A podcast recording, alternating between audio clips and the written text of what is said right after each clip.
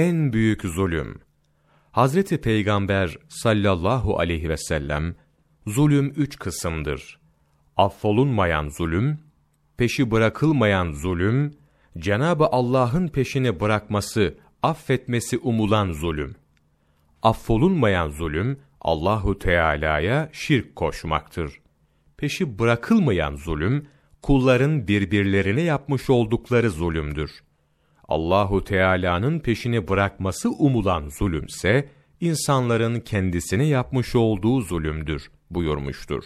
Camiüs Sayır Bu hadise göre, affolunmayan zulmün kaynağı, heva, peşi bırakılmayacak olan zulmün menşei gazap ve Cenabı Allah'ın peşini bırakması, affetmesi umulan zulmün kaynağı ise şehvettir.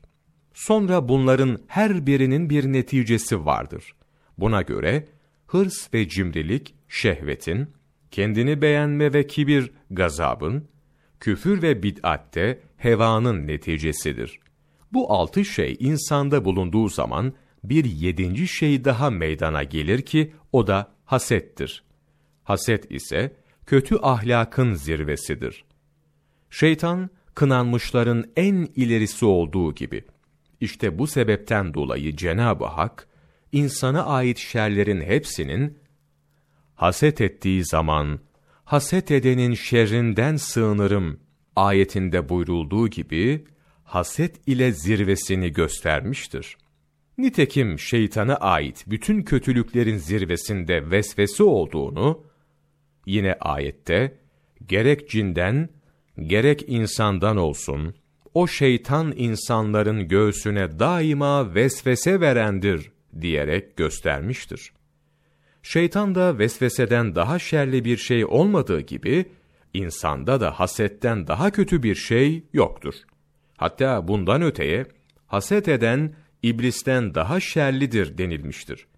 Çünkü anlatıldığına göre iblis, Firavun'un kapısına varmış ve kapıyı çalmış. Firavun, kim o deyince de iblis, eğer sen tanrı olsaydın, beni bilirdin demiş. İblis eve girince de Firavun, yeryüzünde seninle benden daha şerli bir kimse tanıyor musun? diye sormuş. Buna cevaben iblis, evet, bu haset eden kimsedir. Çünkü hasedimden ötürü ben bu belaya düştüm, demiştir. Fahruddin Errazi, Tevsiri Kebir, Mefatihül Gayb, Cilt 1, sayfa 372-373, 23 Şubat Mevlana takvimi.